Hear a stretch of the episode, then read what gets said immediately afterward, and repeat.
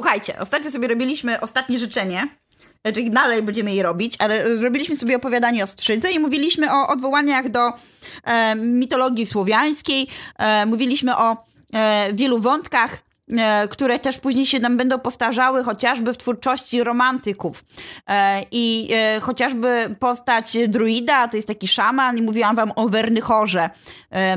I macie na Discordzie obraz Matejki, tam e, z postacią Wernychory, jak mu lud wierzy i on jest takim objawieniem niemalże jakąś taką postacią świętą. To jest tak jak mistrz buddyjski, że go dotykając dostępujesz jakiegoś oświecenia.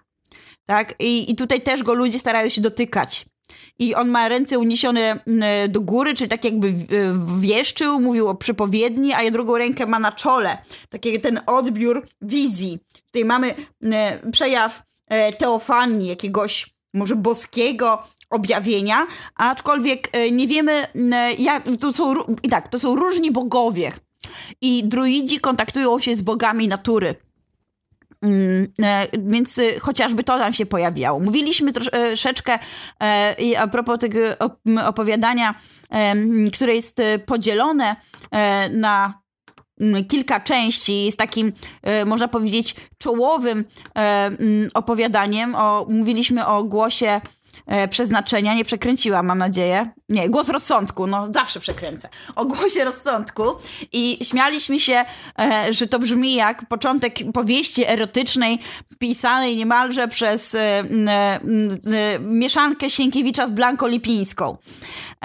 Ale gdzieś tam będę broniła e, tej koncepcji, bo przede wszystkim mamy powieść popularną, e, wykorzystującą wątki fantastyczne, ale nie fantastyczne, jak już mówiliście, w takim duchu europejskim, e, tylko wątki fantastyczne, ściśle odwołujące się do słowiańszczyzny. I mówiliśmy też o serialu, który nam się nie podobał, E, aczkolwiek niektórym się, niektórzy go bronili, bo uważali, że to i tak jest lepsze niż to, co e, zrobili polscy twórcy. E, mm, I teraz ponowne e, mm, czytanie ostatnie, tego tomu, Ostatnie Życzenie, e, było o tyle trudne, że po serialu Netflixa słychać głos głównego aktora, kiedy się wypowiada nam Wiedźmin. Mówiliśmy o samej postaci Wiedźmina. Kim jest Wiedźmin? Że to jest też, słuchajcie, to też jest bohater romantyczny, bo on jest wyobcowany, on jest inny. I on ma jakąś rolę do wypełnienia w życiu. I to jest też postać, która niesie piętno. Piętno, które będzie nam e, charakteryzowało wielu bohaterów romantycznych, jak chociażby Giaura e, czy Jacka Soplice. E, teraz pewnie mm, mm, być może e, niektórzy e, mm, fani fantastyki już szykują sobie tarczę z moją twarzą, skoro zestawiłam Wiedźmina z Jackiem Soplicą, ale na różnych komik-konach chociażby E, pojawia się bardzo dużo e, poszukiwań, chociażby w sadze e, wiedźmińskiej, odwołań do literatury chociażby Sienkiewicza, czyli do powieści historycznej, czy do wątków romantycznych, więc to nie jest y, takie nieuprawomocnione to, co powiedziałam, dlatego, że buduje się koncepcję bohatera wyobcowanego i to jest bardzo ważny e, bohater literatury popularnej. Lubią mm, e, go także współcześni twórcy literatury popularnej, e, bo czytelnik i romantycy pisali nie literaturę wysoką, oni pisali literaturę popularną, tylko że ona się stała teraz dla nas wysoka, dlatego, że była dawno. Tak ją odbieramy. A to wszystko i całe te wątki gotycyzmu, wątki gotyckie, dusze na cmentarzach, e, różne strzygi, w ogóle wątek strzygi, e, stawianie gromnic w oknie ku ochronie przed powracającą duszą zmarłego, skoro czyścić znajdował się na ziemi, czy od e, e piorunów, które miały chronić. Takie wierzenie, że da się jakoś uchronić od e, praw natury i że to natura, tak jak to mamy w balladach i romansach chociażby, to ona jest y, taką sprawiedliwością, ale to jest też często sprawiedliwość starotestamentowa, to znaczy przede wszystkim karze. E, I że trzeba się obawiać natury. Mówi się o potędze natury. I ten wątek romantyczny też będzie bardzo ważny, bo na przykład wiele rzeczy będzie się działo pod osłoną nocy. E, w takim pięknym sonecie Droga nad przepaścią w Czufutkale, który napisał Mickiewicz, e, będzie o tym, jak pielgrzym e, znajduje się na Krymie i jedzie z Mirzą, czyli takim szlachcicem,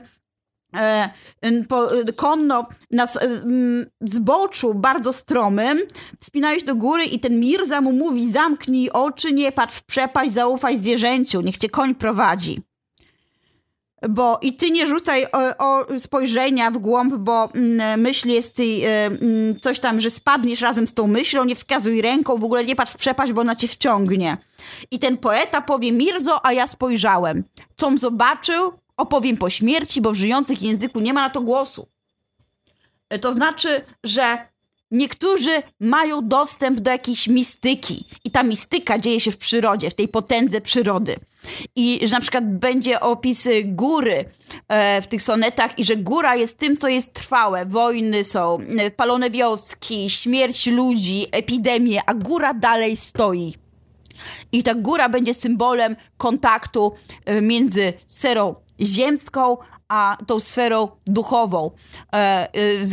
Ona jest dowodem kontaktu z bóstwami. Ona jedna jest jako taki przekaz i jednocześnie dowód też na to, że istnieje, że Bóg to jest artysta, czyli ma ten wątek Deus Artifexa z mnogością stworzeń, które powstają. I chociażby ta strzyga, tak? Mamy wiarę w to, że jak kogoś przeklniesz, E, no to on już jest, y, będzie wiecznie potępiony, będzie cierpiał, tak jak to było chociażby w balladzie.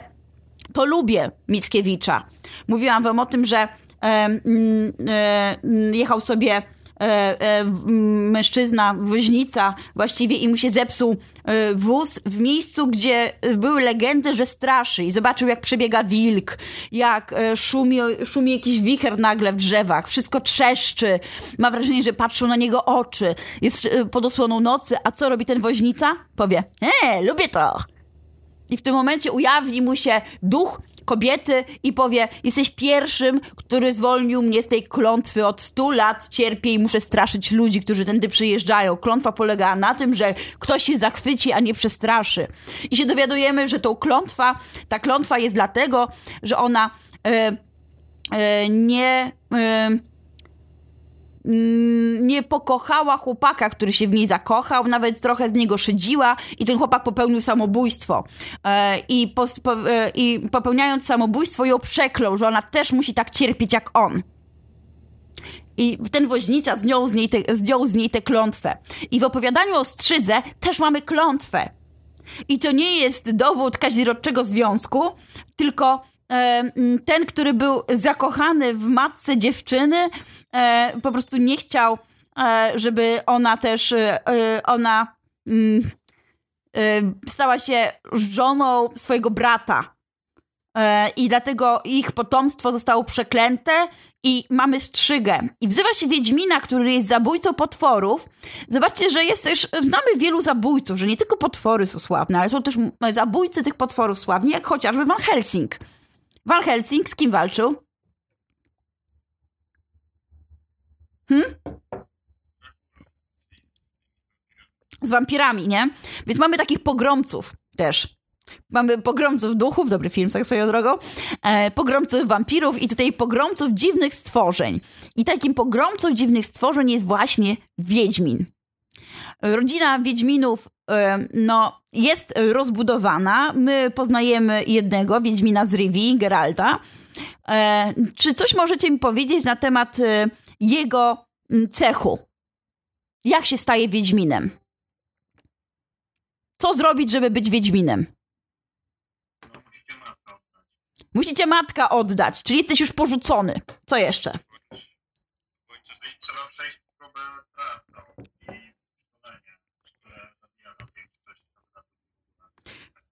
Czyli nie ma, trzeba przejść wiele szkoleń, e, czyli niemalże wykonać 12 prac Heraklesa. Niemożliwych. Takich do wykonania, prawda? No i ten, kto, który jednak e, je wykona, to ma szansę być Wiedźminem. Co dalej? Długa praca, ciężka praca? Czeka Wiedźmina? A trudno zarobić. to po co w ogóle być Wiedźminem, jak trudno zarobić? Czy to jest zawód, który cieszy się nie wiem, dobrą opinią? Nie. Jeszcze raz?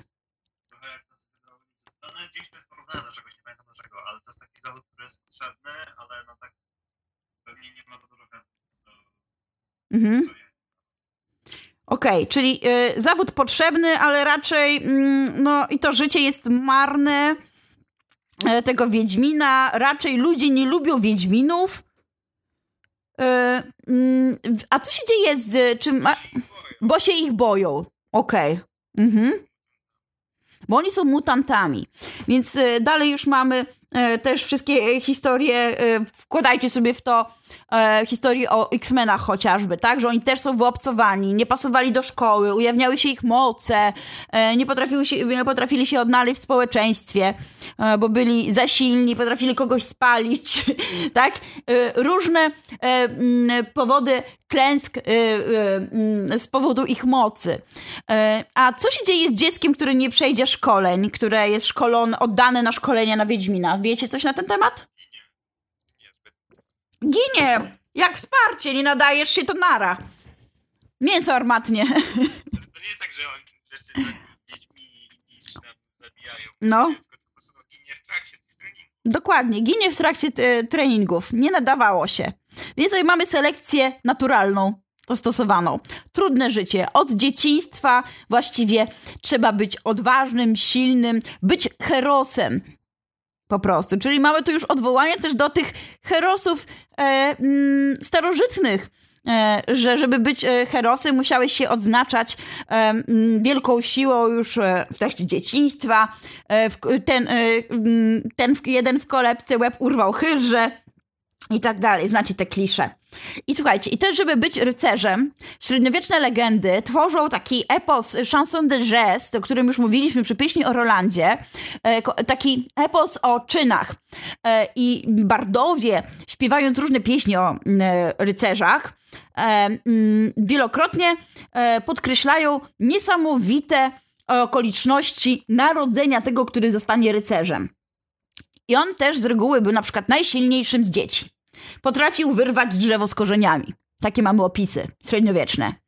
E, mm, że e, sięgał, mógł do, nie wiem, na przykład dźwigać ciężkie rzeczy e, i e, nikt ktoś nie mógł tego podnieść, a on może, bo e, odznacza się nadzwyczajną e, siłą. Jest przebiegły i szybki. Bardzo ważne było to, żeby ten rycerz był zwinny. Co ciekawe, trudno być zwinnym przecież w zbroi. No sorry, ale zwinności nie ma wtedy.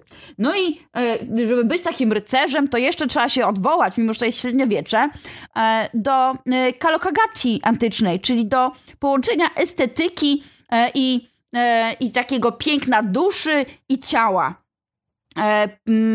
Prawdy i, i, i piękna. To jest taki wzorzec człowieka, ta kalokagacja.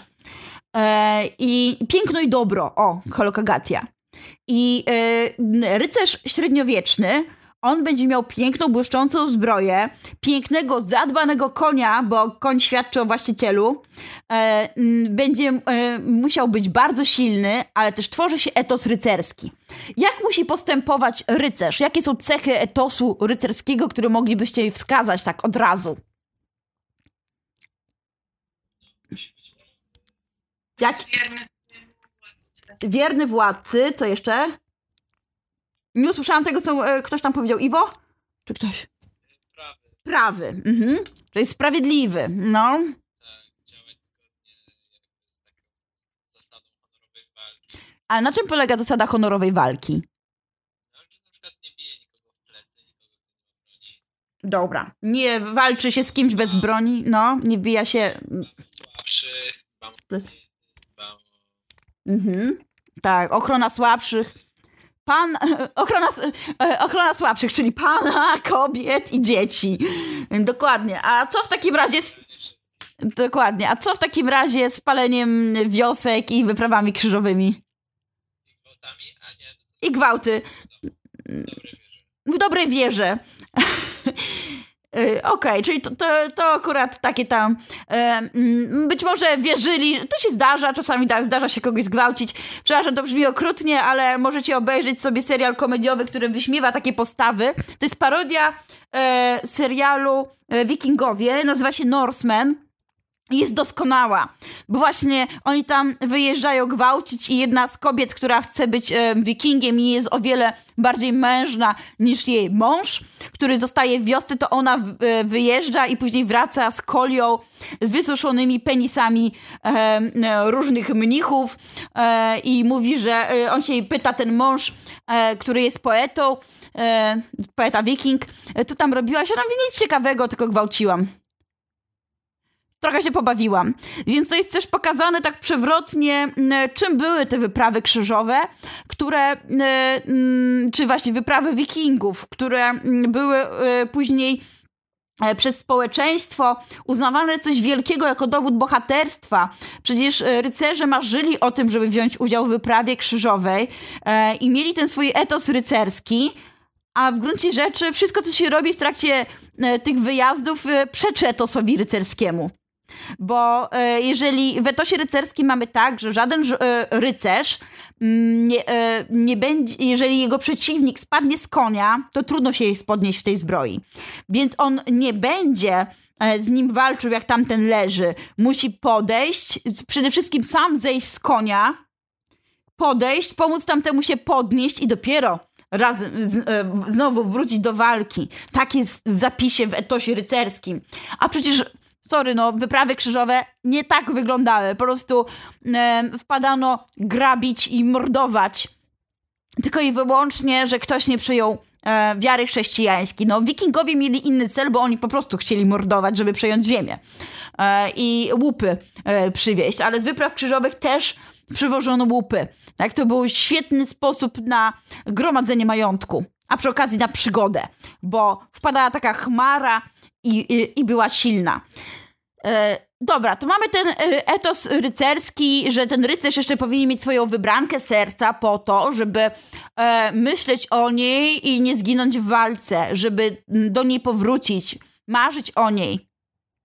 To jest też ważne, żeby było do kogo wracać. I tak jak pamiętacie najwspanialszego błędnego rycerza, czyli Don Quixota, to Don Quixote też musi, e, naczytał się romansów średniowiecznych e, i pieśni o czynach e, i zapragnął też być rycerzem. Ale nie ma konia, więc bierze jakiegoś, jakąś szkapę czy tam osła.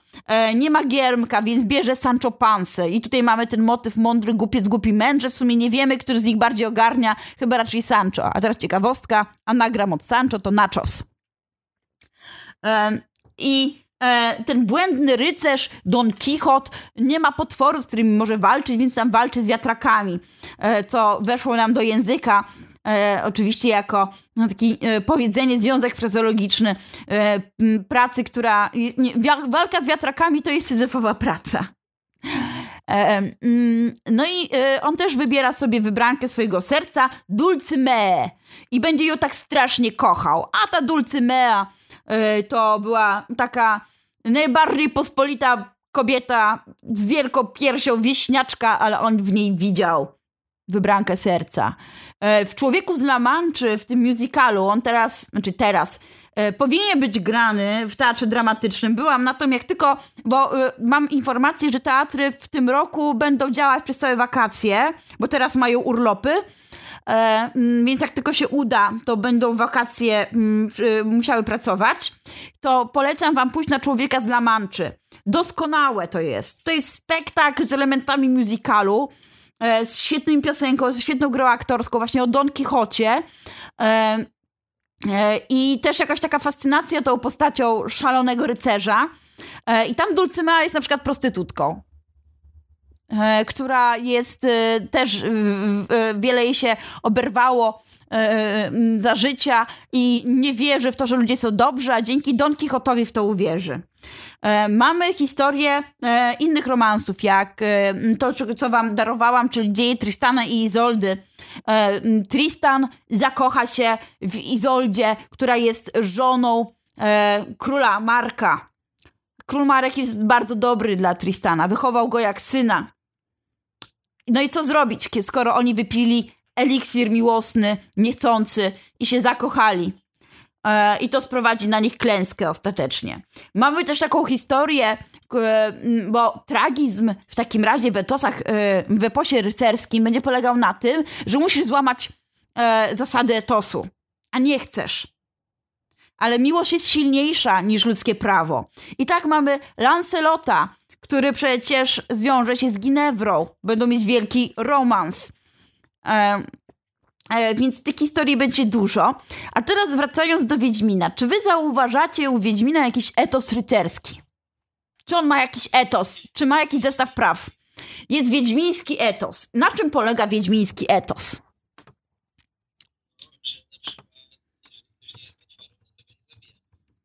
Czyli zabijam tylko potwory, nie potworów nie mogę.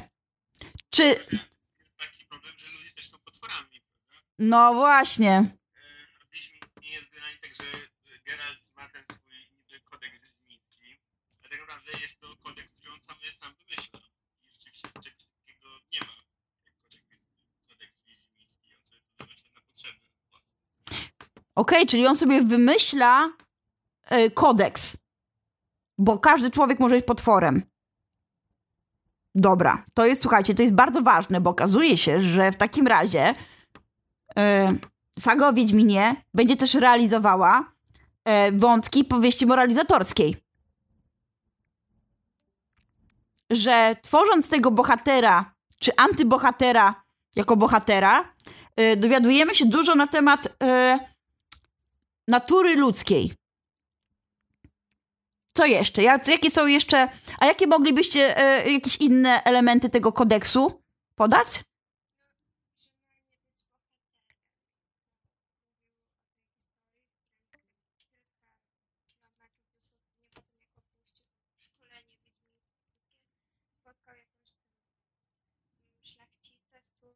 Aha. Mhm. ale on ją uratował, ale ona, ona się nie odwdzięczyła w żaden sposób, tylko nic wymiotowała, bo zobaczyła krew, Tak. Mhm.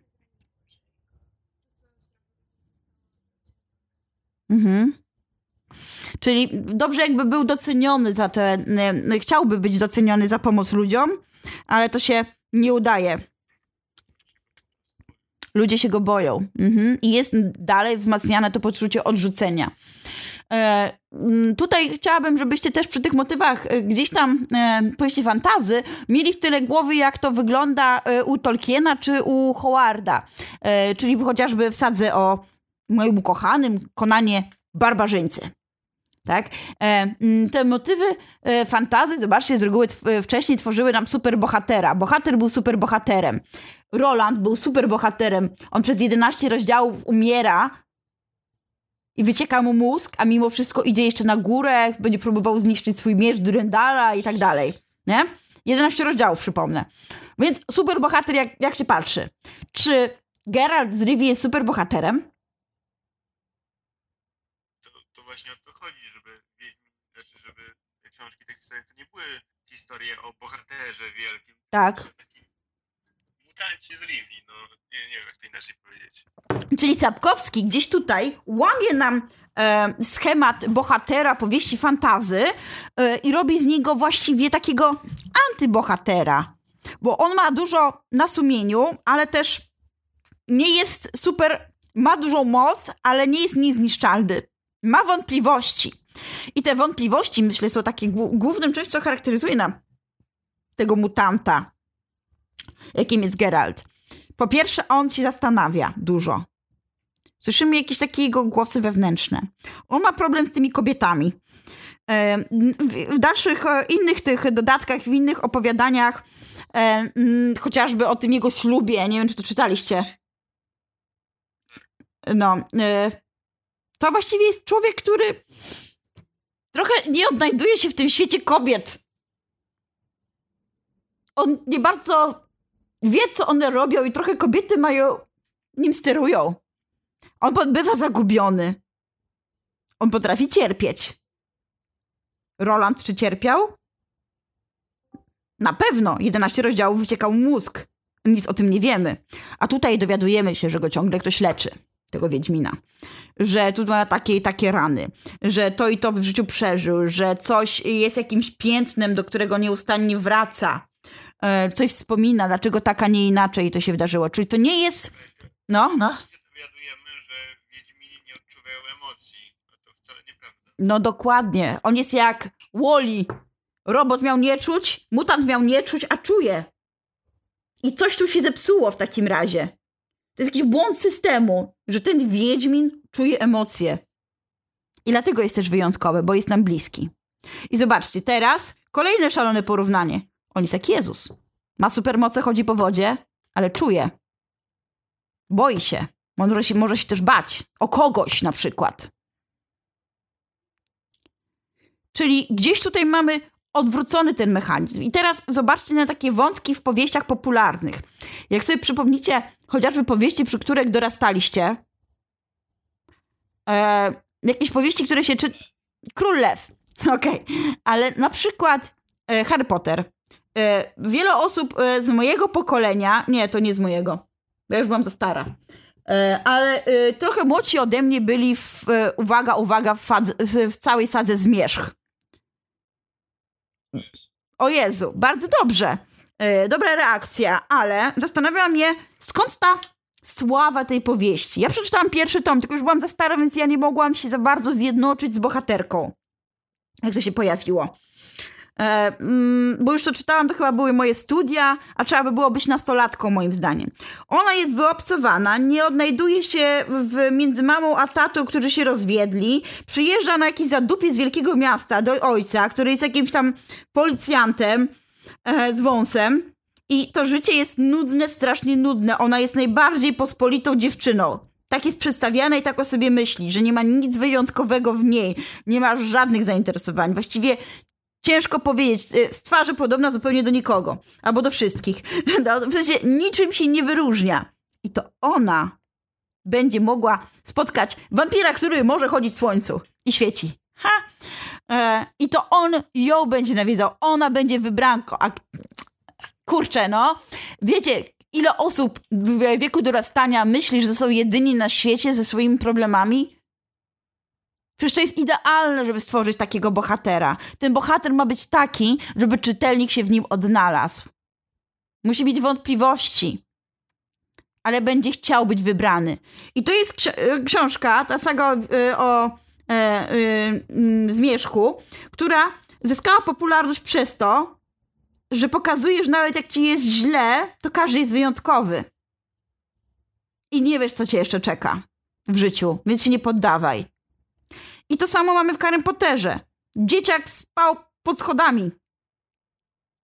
I nagle okazuje się, że jest magiem, że ma super przeszłość, że jest wyjątkowy.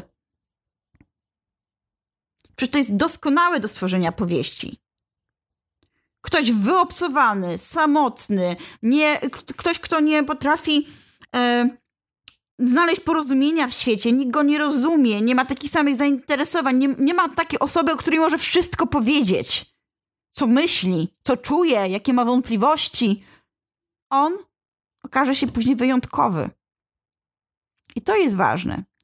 Wiedźmin też wykorzystuje te elementy powieści popularnej. Tworzymy herosa, ale nikt takim herosem nie jest. My mu zazdrościmy, a później się dowiadujemy, że on ma wątpliwości, że on ma dobre serce. I my też się wielokrotnie e, zderzamy e, z wieloma wątpliwościami.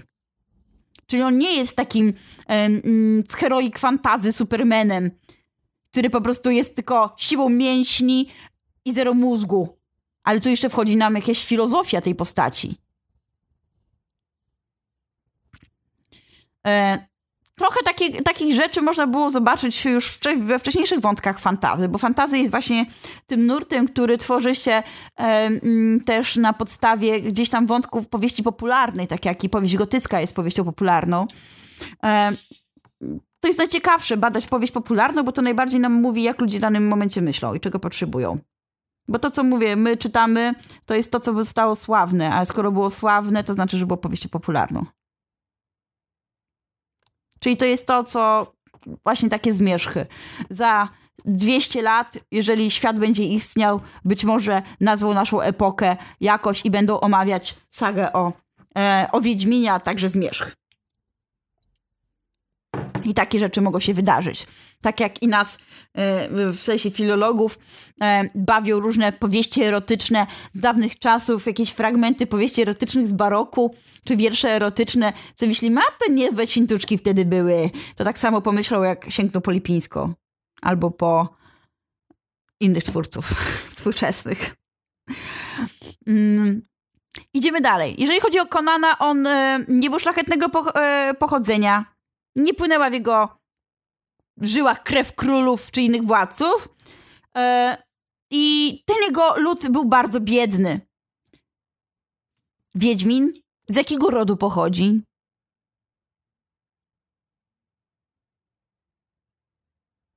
Jego rodzice dlaczego go oddali? Dlaczego Geralta z Rivi oddano do mm, cechu wiedźmińskiego? Pieniądze, sprzedali dziecko. Dlaczego sprzedali go?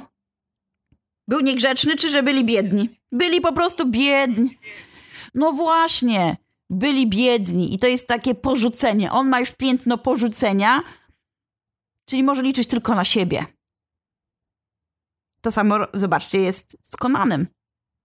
On w sensie nie jest porzucony, tylko mu zamordowali całą wioskę i rodziców i on też będzie musiał liczyć na siebie. I Conan wierzy, że w całych e, po, e, e, książce, że człowiek kształtuje swój los. Jeżeli jest dostatecznie zdeterminowany, to może osiągnąć wszystko, co tylko zechce. Czy tak też myśli Wiedźmin? Czy może Wiedźmin wierzy w przeznaczenie? Bo Conan nie wierzy w przeznaczenie.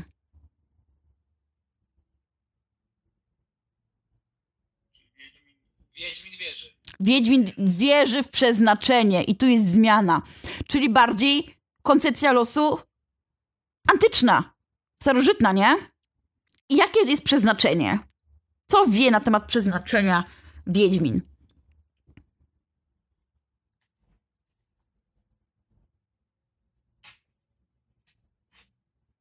Jaką rolę przeznaczenia? Jakie jest jego przeznaczenie?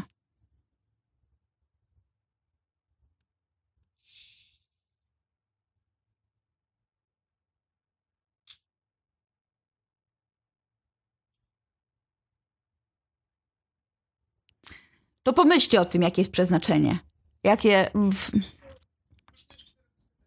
Tak, yy, bo mówimy o tym, że e, Wiedźmin yy, wierzy w przeznaczenie. No to jak, jak się objawia ta wiara w przeznaczenie? Jakie elementy z tego tomu, chociażby ostatnie życzenie, możecie wskazać, że jednak on nie wierzy, że człowiek jest kowalem własnego losu, tak jak Conan, e, tylko że wierzy w przeznaczenie. Co tam jest z tym przeznaczeniem?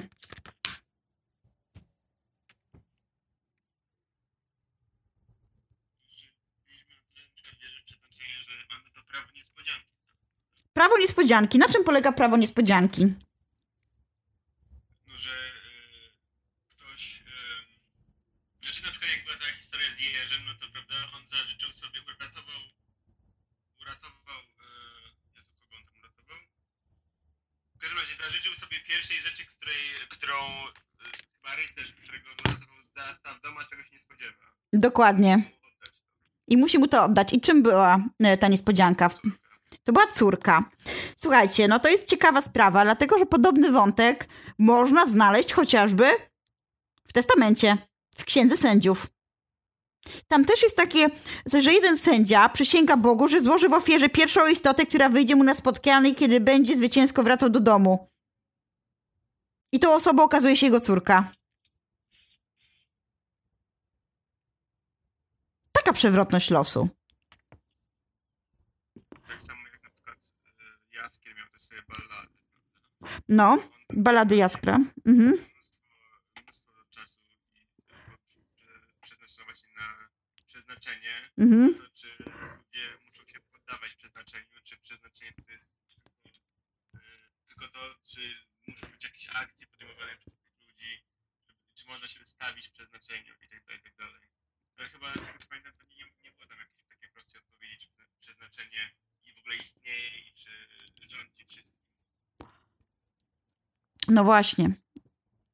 Więc to, jak często zastanawiam się nad koncepcją losu, to też możemy wybrać, pomyśleć o tym Wiedźminie, że to nie jest tylko powieść e, popularna, która ma nas bawić, e, tylko że zmusza ona do myślenia. Mimo tej takiej, takiej przyjemnej, łatwej formy podawczej, w której e, mysza się ironia z humorem, jest dużo elementów groteski. Tak, mamy jakąś mroczną scenę i nagle ktoś rzuca taki tekst, że czytając płaczemy ze śmiechu. Albo, przypomnę, z trylogii Husyckiej zawisa czar czarny, który się spierdział po kapuście. E, tak? I, I nagle to tak nie pasuje do sceny, do postaci. Jest ona tak odarta z patosu, który wręcz jest przede wszystkim tworzony patos e, w twórczości średniowiecznych pieśni o czynach, pieśni o rycerzach, a tutaj ci rycerze, ci wojownicy, oni też są odarci z patosu.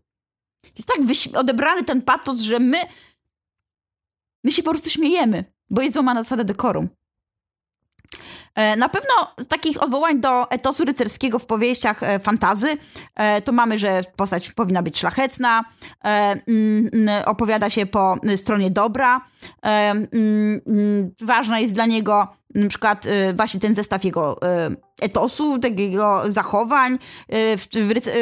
Może to być Bóg, religia, może to być też przynależny do swojego rodu. Ale mamy to wszystko inaczej zinterpretowane, bo jakbyśmy czytali o kolejnym rycerzu, który jest, y, ma takie y, sztywne zasady, że e, nie może e, przy wystąpić, to ta postać nie będzie ciekawa. A Wiedźmin ciągle się zastanawia, ciągle e, musi podejmować decyzje.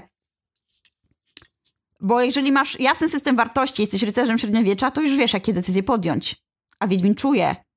Wiedźmin jest wyobsowany mimo że on jest Wiedźminem, to on jest sam. Czy on y, ma dużo kontaktów z innymi Wiedźminami? Nie ma. Więc trochę słabo są wspólnotą. Czyli bardziej on by się e, musiał odwoływać nie do jakiejś konkretnej religii, e, stanu pochodzenia, e, tylko będzie szukał jakiegoś dobra, Niekoniecznie pokoju i sprawiedliwości, no sprawiedliwości też, ale on musi cały czas walczyć. Tu mamy problemy egzystencjalne Geralta z Rivi, bo na przykład on by zabił strzygę, ale ta strzyga jest dzieckiem, które ktoś kocha. Jest układ, ma jej nie zabić. To musi kombinować, musi myśleć. Czyli jest też trochę takim Odyseuszem, który musi kombinować, myśleć o jakichś przekrętach, a to się schowa na noc e, w jakiejś krypcie, bo wie, że tylko w, będąc w nią, z nią, ze strzygą w jej jaskini uda się zdjąć klątwę. Jak się tworzy jeszcze tego mutanta? No, przy pomocy alchemii i magii. Czyli tutaj też mamy coś, co widać w dziejach Tristana i Izoldy. Tutaj mieszają się światy zewnętrzne to nie jest realistyczne, że on się po prostu urodził, tylko gdzieś y, on był, był kiedyś człowiekiem i został stworzonym mutantem dopiero. Czyli jakieś wydarzenia z życia miały wpływ na to, jak on teraz musi dalej istnieć. Czy on może liczyć na miłość, na założenie rodziny? Przy okazji jest bezpłodny. E, e, to jest jedna kwestia. A jak wyglądają jego sprawy sercowe? Czy on ma swoją wybrankę serca, tak jak powinien mieć każdy rycerz?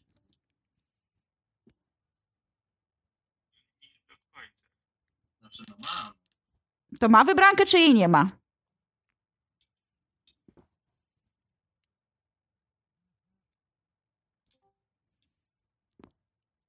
Wydaje mi się, że chyba nie za bardzo, bo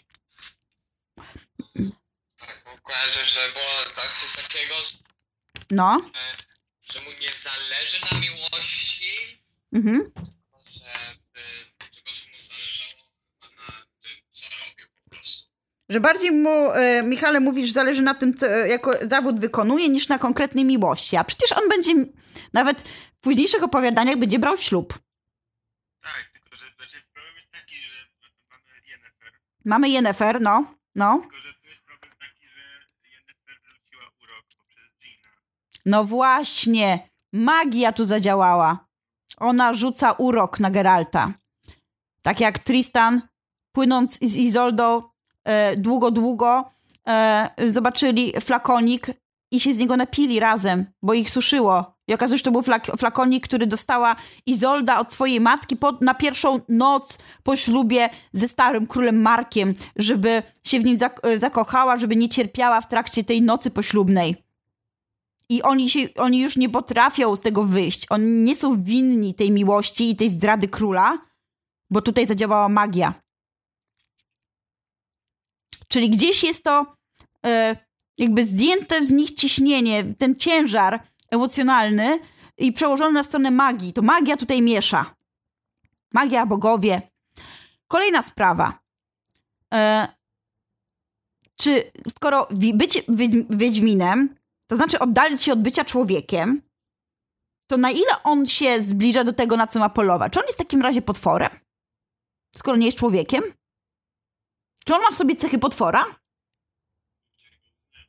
Ludzie go uznają za potwora. Kojarzą go z tą ciemną, mroczną stroną, więc też na, jak się...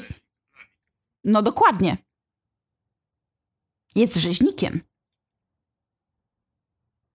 Czyli właściwie mamy tutaj e, też dużo pytań, bo on często podróżuje sam, ale też e, no oczywiście pomiędzy e, tutaj e, jego barda e, m, poszukiwanie odpowiedzi, on będzie poszukiwał odpowiedzi na to właściwie hmm, czy on poszukuje odpowiedzi na to, jak się odnaleźć w świecie?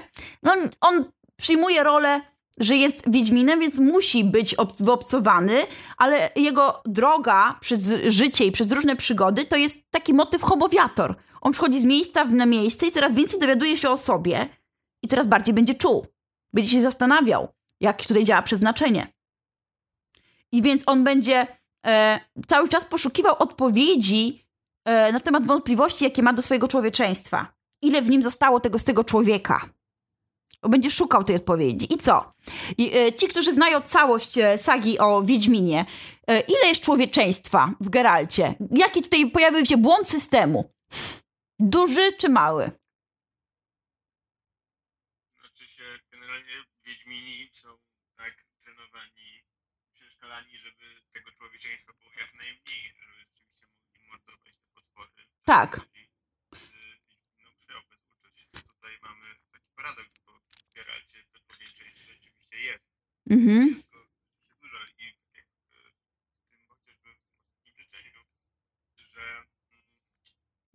mnóstwo takich momentów, kiedy się zastanawia nad tym, co robi. Rzeczywiście ma te emocje, których nie powinien mieć.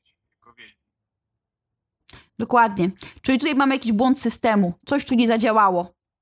Mimo, że wygląda w dużej mierze jak e, człowiek, ma, ma, no, ma postawę ludzką, to jednak jest on dziwny, bo ma te długie białe włosy, jego źrenice mogą wyglądać jak źrenice kota, e, cechuje się nadzwyczajną siłą i refleksem, a przy okazji jeszcze jest antyspołeczny, więc tworzy jakąś taką aurę tajemniczości, która odrzuca e, ludzi, e, którzy po prostu się go boją, ale jednocześnie on trochę łaknie tego bycia człowiekiem, bo on czuje mocno. Ciągle się będzie zastanawiał, il, jak, jak powinienem postąpić. Czyli właściwie możemy mówić o typowym bohaterze romantycznym, który jest rozdarty. On nie żyje w jednym świecie. On jest zawieszony między światami. Światem, światem mutantów, a światem ludzi. E, Ludzie go traktują jak bestię, a z drugiej strony on mm, ma duże poczucie moralności. Co więcej, to ludzie są potworami, bo chociażby wielokrotnie, kiedy proszą go, wręcz błagają o pomoc i zabicie jakiegoś potwora, to później starają się jak najszybciej go poz- y, pozbyć Geralta ze swojej osady. Odrzucają go. Więc wielok... No? Tutaj jakby w, do czynienia ze społeczeństwem bardzo zabobonnym. Mamy społeczeństwo zabobonne i też pełne hi- hipokryzji.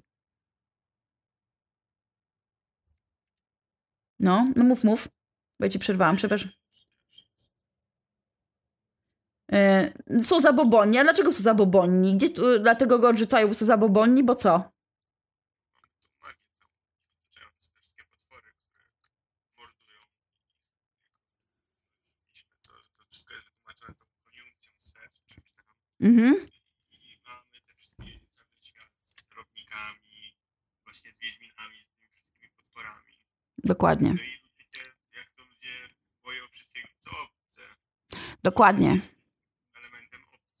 I mamy tutaj. Dokładnie, mamy coś takiego, co możemy mówić w filozofii egzystencjalistów też o motywie innego.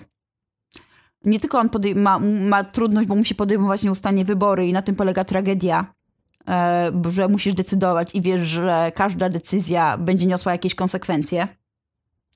E, to jeszcze to, to, co mówisz, e, że... Mm, o Jezu, przepraszam, zgubiłam się. E, mm, no właśnie, że mm, tutaj e, on jest inny, motyw innego, więc którzy się go boją. Inny w filozofii pisany wielką literą. To jest ten, skoro go nie znam, to znaczy, że się go muszę bać.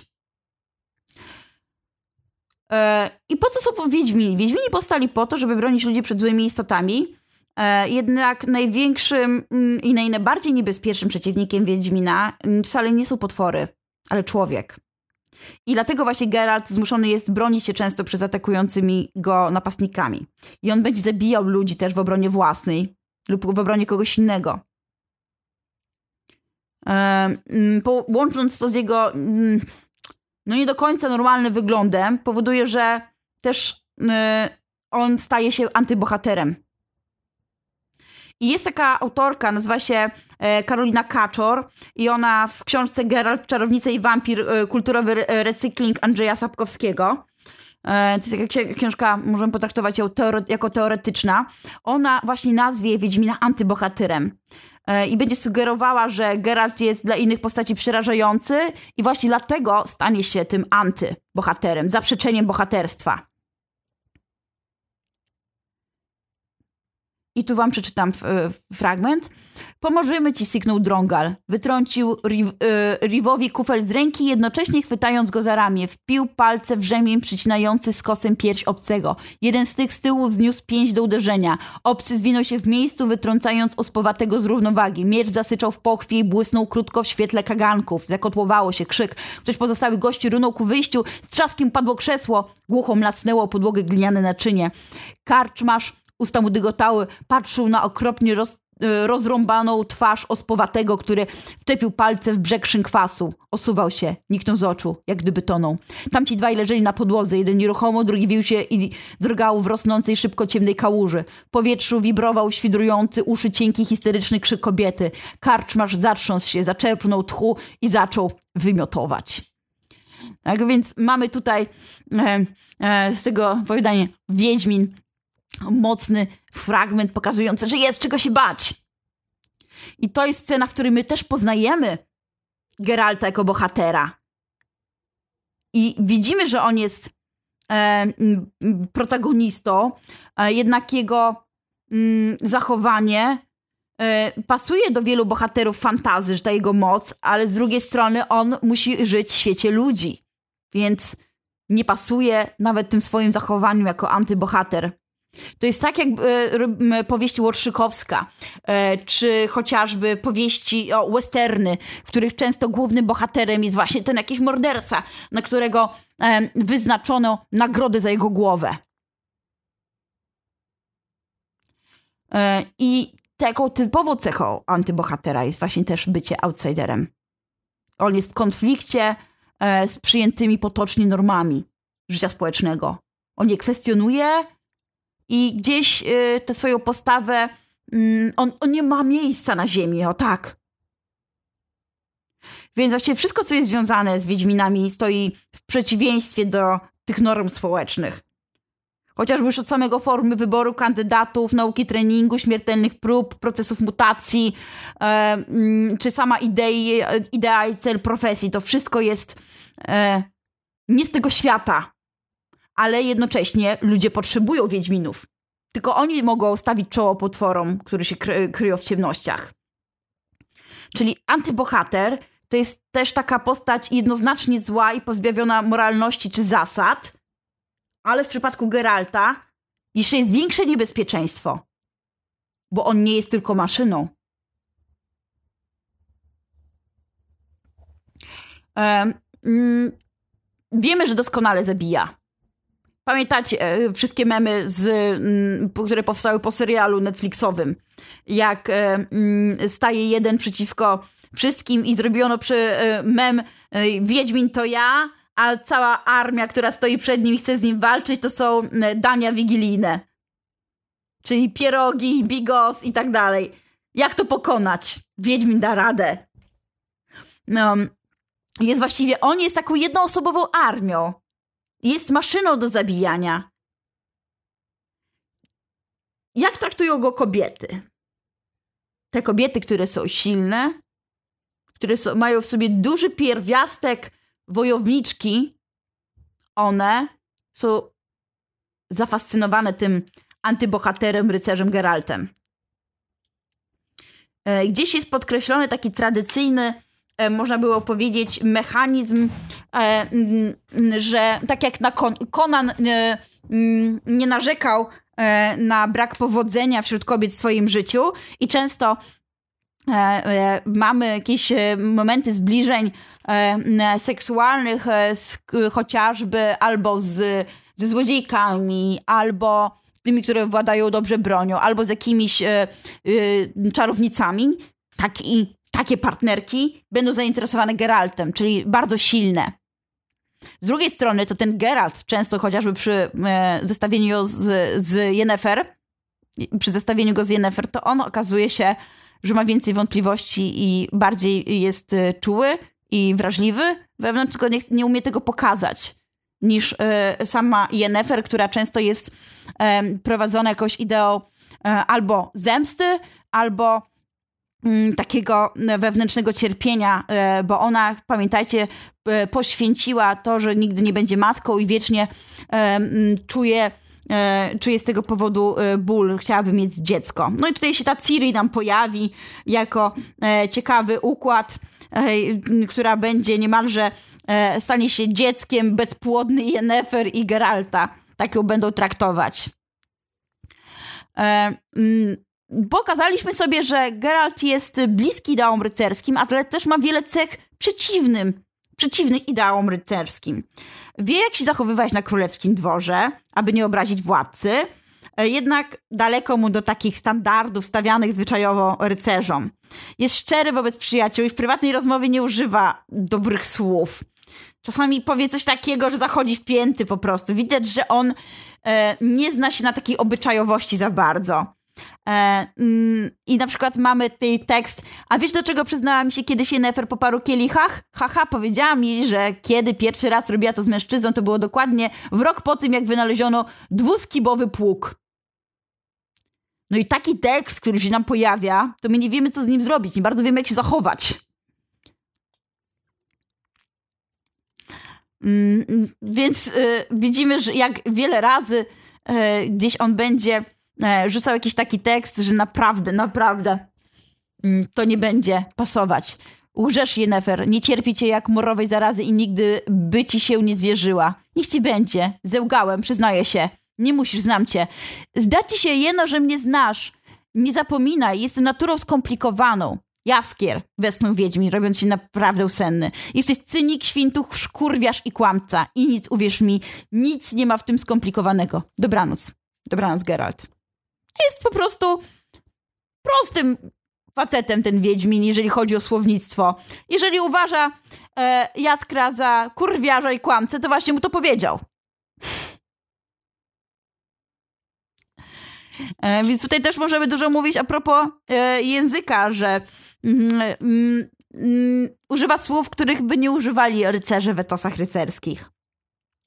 On jest bardziej najemnikiem średniowiecznym. Właściwie jego zawód można porównać, on jest po prostu najemnikiem. Dostaje pieniądze za zabicie kogoś, już.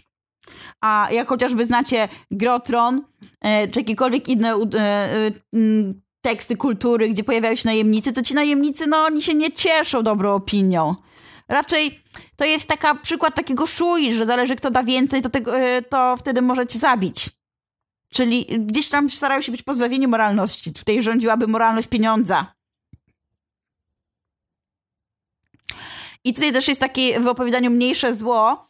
Jest duży fragment, który mówiący o tym, jakie korzyści czerpie Geralt z tych braku oczekiwań e, i zobowiązań, które by dotyczyły rycerza. E, mm, tu jest o spotkanie z mm, tymi e, mm, żołdakami Renfrey. Nieważne, gdzie go widziałeś, Tawik. Powiedział Nohorn. Słuchaj, no bracie, Civril przed chwilą strasznie się obraził. Nie wyzwiesz go? Taki nudny wieczór. Nie, rzekł spokojnie Wiedźmin. A mnie, jeśli wleję ci na łeb tę rybią polewkę, wyzwiesz? Zarechotał goły do pasa. Spokój, piętnastka, rzekł Nohorn. Powiedziałem, że nie, to nie. Na razie. A przecież jakby był wyzwany rycerz, to on by musiał stanąć do walki. A Wiedźmin? Tak jak już tutaj mówiliście, zmienia trochę zasady. Bo rycerz nie może zignorować zaczepki. A Geralt to robi, bo wie, że tylko wystanął do walki, to by wszystkich zabił. I Geralt wielokrotnie będzie unikał y, konfrontacji, zwłaszcza w takich sytuacjach, w których um, miałoby to wpływ na wykonywanie jego pracy, a przecież jest profesjonalistą i nie może sobie na to pozwolić. Jednak ma jeszcze inne takie cechy typowe dla etosu y, rycerskiego. E, teoretycznie mówi, że coś takiego jak oficjalny kodeks wiedźmiński nie istnieje, to odczuwa przecież potrzebę przestrzegania pewnych zasad, aby inni nie próbowali nadużywać jego profesjonalizmu. E, Geralt w swoich działaniach, rozmowach e, często powołuje się na ten właśnie kodeks. Mówi, że to on wymusza na nim takie, a nie inne postępowanie. E, tak jak rycerze wielokrotnie uzasadniali swoje decyzje etosem rycerskim. I właściwie Geralt będzie wspominał o tym zestawie e, zasad, którym się kieruje, których przestrzega. E, I na przykład mam tutaj taki fragment. Dajmy na to srogi e, smok pustoszy. Zły przykład, przerwał Geralt. Widzisz, od razu kiełbasić się wszystko, bo smoków, które bez wątpienia reprezentują chaos, nie zabijam. Jakże to? Trzy kawki oblizał palce. A to dopiero. Przecież wśród wszystkich potworów smok jest chyba najwredniejszy, najokrutniejszy i najbardziej zajadły. Najbardziej wstrętny gad. Napada na ludzi, ogarnie, ogniem zieje i porywa te, no, yy, dziewice. Mało to opowieści cię słyszało? Nie może to być, żeś ty, Wiedźmin, nie miał paru smoków na rozkładzie. Nie poluje na smoki, rzekł Geralt sucho. Na widłogony owszem, na oszluzgi, na latawce, ale nie na smoki właściwie zielone, czarne i czerwone. Przyjmij to do wiadomości, po prostu. I taka postawa okazjonalnie pozwala Geraltowi na czyny i decyzje utożsamiane zazwyczaj z postacią bohatera i przypisywanymi mu prawością i heroizmem. Bo antybohater musi być też antyheroiczny. On nie ma cech heroicznych. Gdzieś tam czasami coś zrobi, ale no nie zawsze. To wszystko jest jego wolą. A powiedzcie mi, czy ktoś pilnuje Wiedźminów, czy oni żyją według kodeksu? Jak oni ci zachowają, jak już przejdą szkolenie?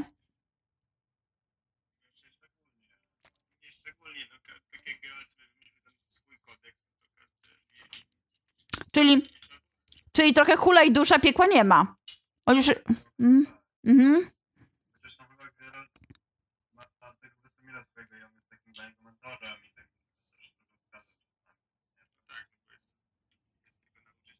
mhm. No tak, to tylko nauczyciel. To jest szacunek też do, do wiedzy, do umiejętności. Mhm.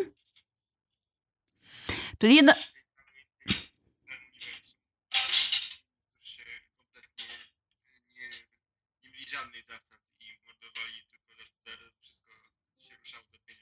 Mhm.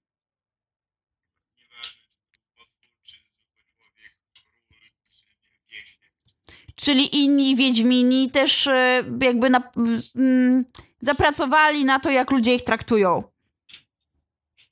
Że po prostu nie mają moralności. Czy ktoś akurat zmywa naczynia w tym momencie? Będę wdzięczna, jakbyście teraz nie stukali talerzami. e, e,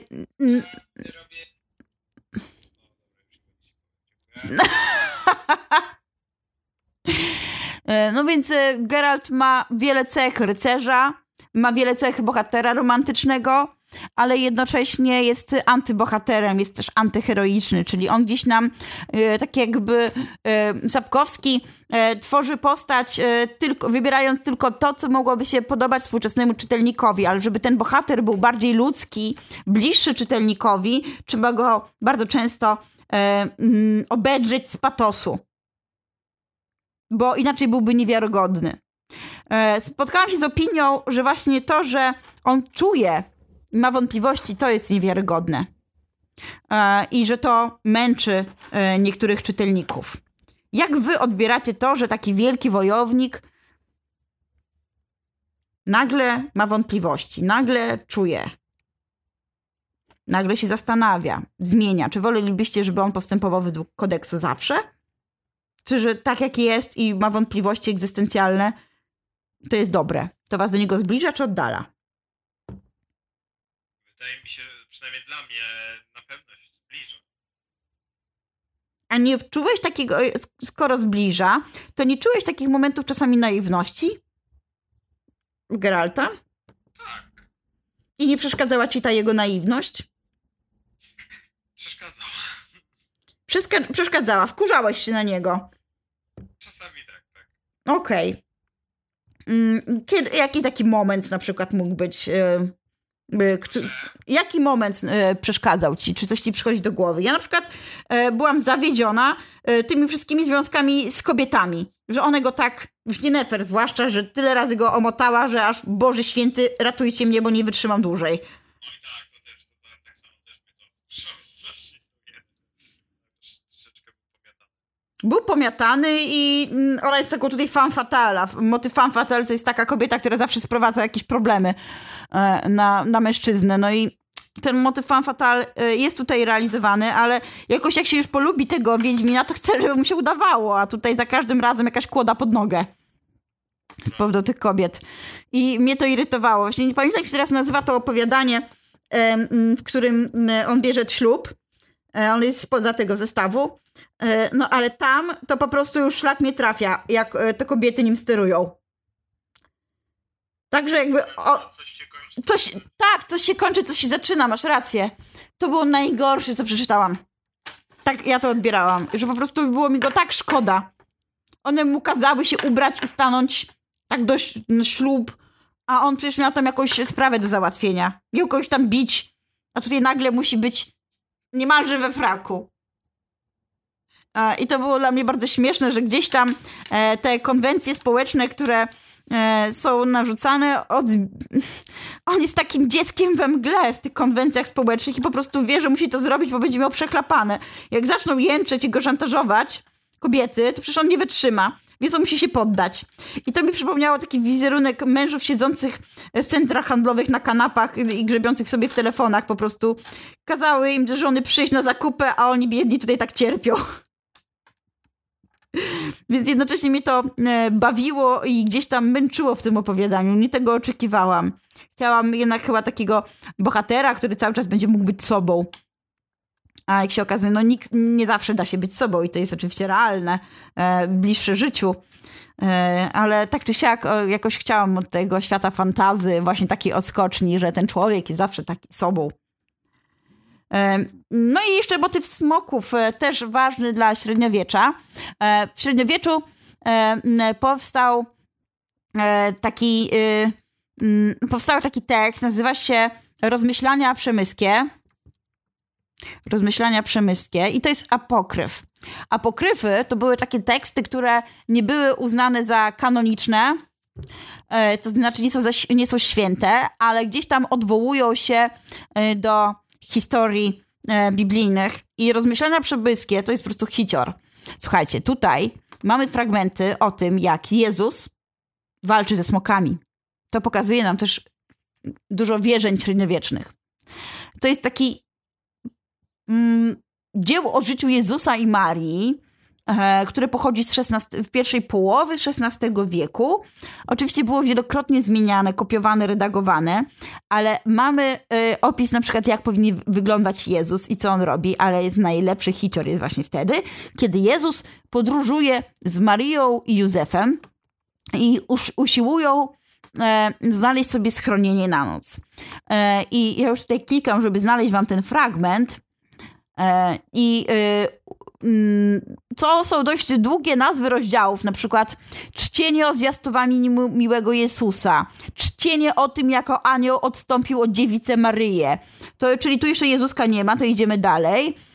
Czcie Czcienie o tych znamionach, które siedziały po wszemu światu przy narodzeniu Pana nasz, naszego Jezu Chrysta. Idziemy dalej, bo tu się dopiero rodzi. O cudach, które siedziały po drodze. Teraz wejdziemy, bo później jeszcze będzie o, jak wyglądał Jezus i mamy tutaj bardzo e, rozbudowane e, opisy wyglądu Jezusa. E, o tym, że też Jezus był małym i złośliwym dzieciątkiem. E, o tym jako dziecko już e, e, skrzesza, na przykład tytuł wam przeczytam jeden, jak Jezus skrzesza. Czcienie o tym, kako miłe dziewczyście Jezus przedłużył drzewa, ciągnąc sługą z Józefowym. O tym, jak e, mm, jak czcienie o dziecięciu, które się swaliło ze skały i zdechło, a to miły Jezus skrzesił z martwych. Idziemy dalej. O krasie Jezu Chrystowej, o nadobnej krasie ciała Jego wielebnego. I tutaj mamy nawet włosy Jezusa opisane. Włosy Jego głowy były czarne, miękkie, a nic nie ostre, długie, a od długości mało wstoczone. Rzadko kiedy je czosał, a nigdy nie strzyżone, a wszakoż nigdy nie były stargane. Mamy nawet opis powiek, opis nosa, opis żył, opis warg, opis języka Jezusa, opis brody, szyi, nóg, przyrodzenia. Wszystko tu się pojawia, ale chcę wam znaleźć inną jeszcze rzecz, jak on wędrował.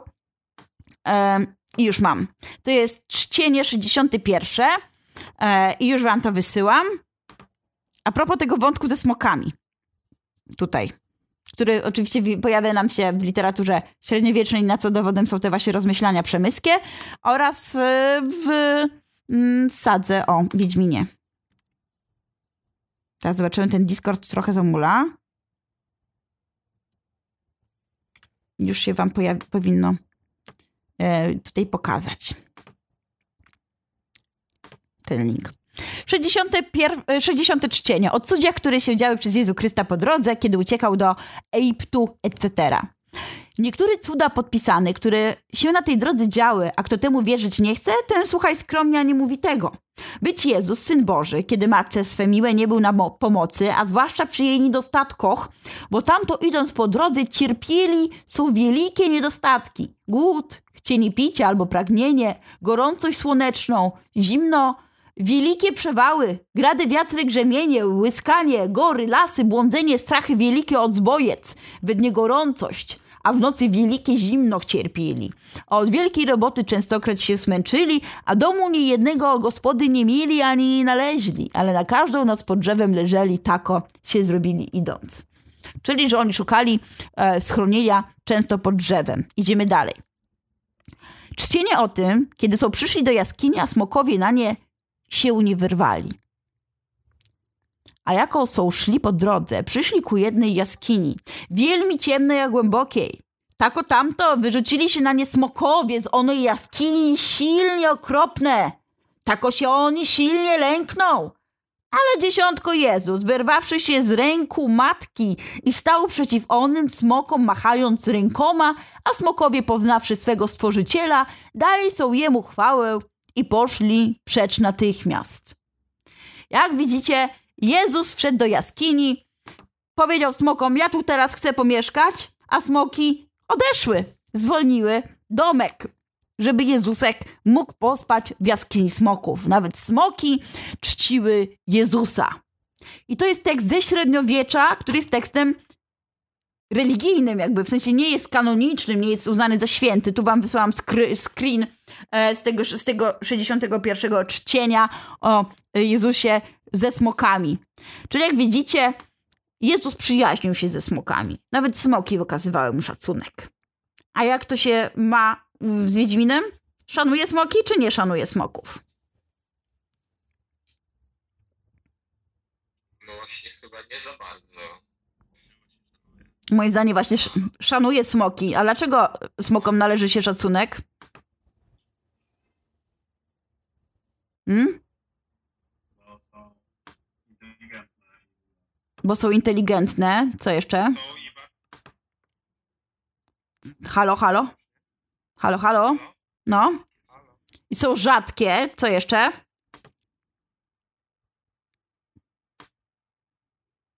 Czyżby Mesio was wszystkich uciszył?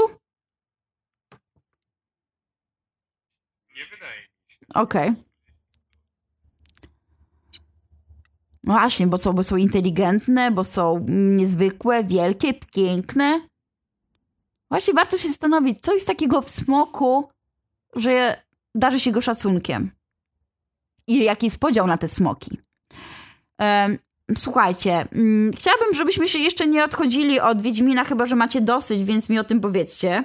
Ale moglibyśmy mm, sobie popatrzeć na tę sagę wiedźmińską i y, zrobić sobie zajęcia, tak pomyślałam, y, odwołania już tak typowo do y, mitologii słowiańskiej i poszukać różnych mm, potworów e, z naszego kręgu kulturowego, jakie tutaj występują e, i sobie zrobić jakąś listę, a także chciałabym, żebyśmy sobie spisali i postanowili, zastanowili się nad listą przepowiedni, snów, widzeń, jakichś objawień, które tutaj są, e, bo to nam się bardzo, bardzo przyda w późniejszej naszej pracy, na poprzednich, następnych latach, bo będziemy dużo mówić o poetyce snu.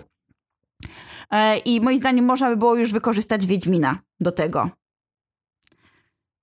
Co wy na to?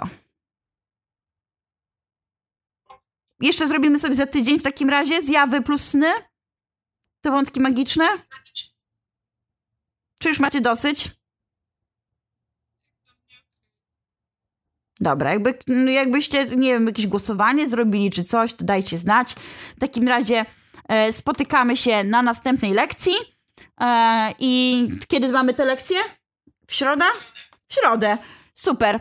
To w środę się spotkamy i zrobimy sobie dalszy ciąg Wiedźmina. Jakiś demon nam się włączył na kanał, wszedł już. E, więc dzięki, dzięki wam bardzo i myślę, że później sobie coś tam napiszemy e, z tego. Tak, żebyśmy zebrali jakieś podsumowanie. I ja już e, zaraz wam wyślę link do tych motywów maturalnych, bo wy będziecie mieć raczej normalną maturę. E, mm, I może e, mielibyście jakieś pomysły, gdzie pododawać Wiedźmina, co dopisać, tylko jakbyście mi podsyłali, możecie mi to podsyłać na Messengerze, tylko chciałabym już w takiej formule, żebym nie musiała przerabiać, bo ja wiem, że wy potraficie to zrobić dobrze. E, I e, dodać wam do tej bazy, czyli e, do konkretnego motywu mi piszecie, e, co właśnie się tam pojawia w ostatnim życzeniu, dobra? E, I to oczywiście będzie praca dodatkowa, a dodatkowe prace są e, wynagradzane przez Boga, który się nazywa Idu. Dobra, e, więc ja wam tutaj teraz wklejam link do tych toposów, e, które opracowujemy. Tutaj. I jak coś zobaczycie, że jakiś taki topos występuje, a może chcecie rozwinąć o listę topo, e, te, te listę toposów jakiś kolejny, to mi wysyłajcie już taki gotowy tekst z krótkim streszczeniem, co w tym tekście, w tym opowiadaniu się dzieje takiego z tymi motywami, tak żebyśmy wszystko, co czytali, sobie tutaj budowali tę bazę. Wtedy w trzeciej klasie nie macie już żadnej roboty. A to zajmuje najwięcej czasu. Dobra? To na dzisiaj wam bardzo, ale to bardzo dziękuję. I trzymajcie się. Możemy się w środę połączyć tak, żebyśmy się widzieli tak swoją drogą. Jakbyście chcieli.